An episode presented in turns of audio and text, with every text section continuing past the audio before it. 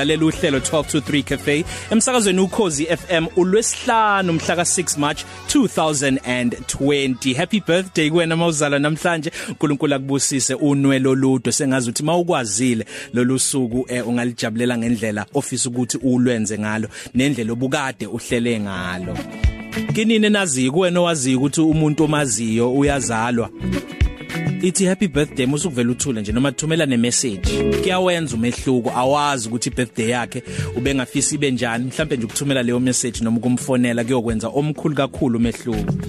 So asingenzike okomuntu ozo ogwilizayo ozohlengwa i lifeguard ekuhlengweni kwakhe ilifeguard avele naye ayibamba inkonkoshele kwayona ke ihluleke nanokubhukuda bagcine mhlambe bengena engcupheni yokugwiliza bebo babili.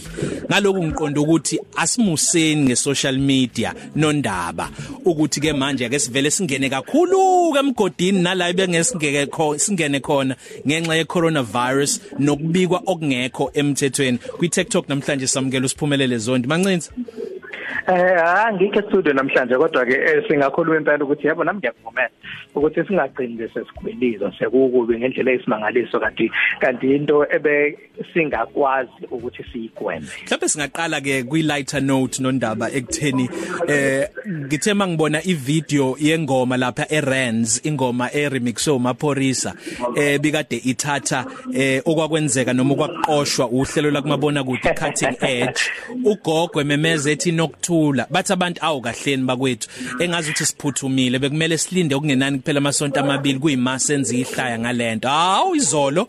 Kwabikwa ukuthi usekhona okusemthethweni obikiwe ukuthi une coronavirus waseningizimu Afrika nokuthi kwala kwaZulu Natal yaqala iHashtag ike ye coronavirus namahlaya akhona. Ake siqale ke mhlambe ngamahlaya. Uthe omunye mangixoxa naye uthe yazini izinga lempilo nezimo esibhekene nazo njengabantu emhlabeni nanjengabantu eningizimu Afrika zithi hayi kuvumelekile ukuthi singalenza ihlaya ngalezi zinto ku social media? Mm. Um kona ngisho kuvumelekile ukuthi singalenza ihlaya ngezinto ezifana nalezi. Awuthi ngiqale ngikhulume ngamaphorisa. Ngathi kuvela ukuthi ayiyena owenze remix. Um o abanye uDJ abasuke bayithatha ingoma benza i-remix ngayo kwase kuba into yasemaphathini ke. Wase yaqhamuka umaphorisa naye wasebenzisa zona izinkundla zokuxhumana washo ukuthi cha um naye akathandisisi lokho kwenzekile. Ngakho ke khona imali azoyifaka eyinikeza wona umndeni um wakhona lapha kuboka nokuthula nokuthula njengoba kade khala uh umama kaNokuthula ethi hey Nokuthula wangishiya nezingane iminyaka emingaki usekapa? Iminyaka emingaki usekapa ekhanela ukuthi hawo wangishiya nezingane kwabeza wangishiya nomthwalo sazi ukuthi ufile. Qhubeka ka ungene kule ngcenye yamahlaya ku social media.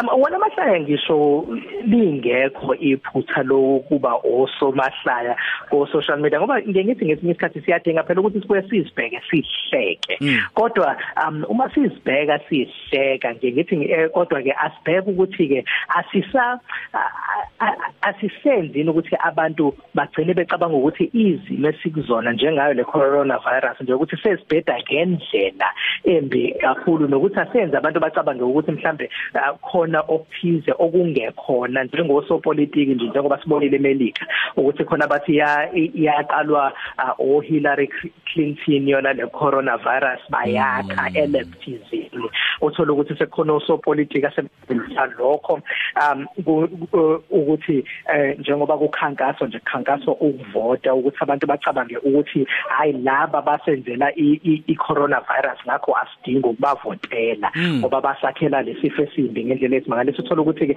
manje sewubulana nesithunzi somuntu. Ngoba wena uthi mhlambe ngento eqale mhlambe iyihlaya ngento eqale iyamanga. Mm uke wasifaka uswazi kancane la uthembekile Mrothothi uyamaza kumabona kude intatheli ethi boza kwethu bemsakazo. Ake siqikekeleke ukuthi nathi esikushoyo emsakazweni esisebenza kuyona kuyiliqiniso. Ngaphandle kwalokho ngingithi asiqikelele nathi siyabantu abakhuluma khona um, emsakazweni um ukuthi um, nezinto esishoyo einkundleni zokuxhumana kuke kwasho nje omunye umngane nami sikhuluma ngezinye izinto sikhuluma um ngakho lokho esibuye sithi ngesingisi misinformation noma disinformation abanye bangathi false news.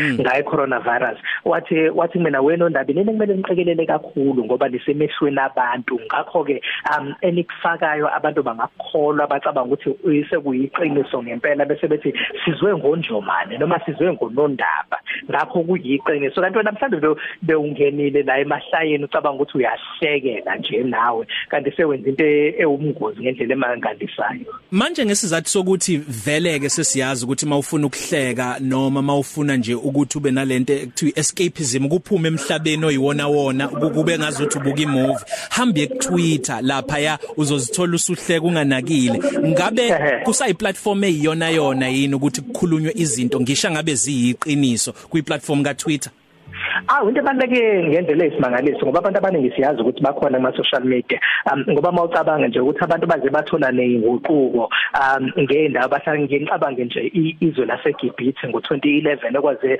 wasula khona umongameli esikhundleni ngoba abantu sebethi asakufuni. Mm. sekuphela iminyaka ecishe ibe ngamashumi amathathu sesikhundleni kwaba yiwona lo Twitter waqhamuka nalezo zinguquko yebo. Kuhle ukuthi kusetshenziswe uh, zona le zinkundla zokuxhumana. Um ukuthi uh, siqwashise nabanye ukuthi bangazivikela kanjani bangenza kanjani nokuthi um abanye bathole kuzona inkundla zokuxhumana ukuthi coronavirus leseyifikile ezweni laseNingizimu Afrika. Yinhle yona ngalokho. Kodwa ke kubuye kube khona nento embi njengoba sisho nje ukuthi sekhona abanye ke asebependa abanye ngopendo omubi. Asamtholi nondaba sale sesibamba lapha ngoba vele bese sizogoqa kodwa namhlanje eh usiphumelele zondi nje ubegxile ekutheni ama platforms e social media iwona okungazuthi abhebhethekisa indaba okungezonwa ezikhulunywayo nesigcina sesikholwa nezigcina sezisishayisa ngovalo ezigcina sezisifaka amanzi emadolweni kanti mhlambe bengadingi ukuthi kuze kube yilelo zinga. Kusetshenziswa kakhulu i social media ikakhulukazi i Twitter uma kukhulunywa nge corona virus asibonga kakhulu kuwena nondaba. Ungamthola kumabona kude ohlelweni olubizwa nge network eh, kanti futhi hambe kuyena einkundleni zokuxhumana ithi nje siphumelele zo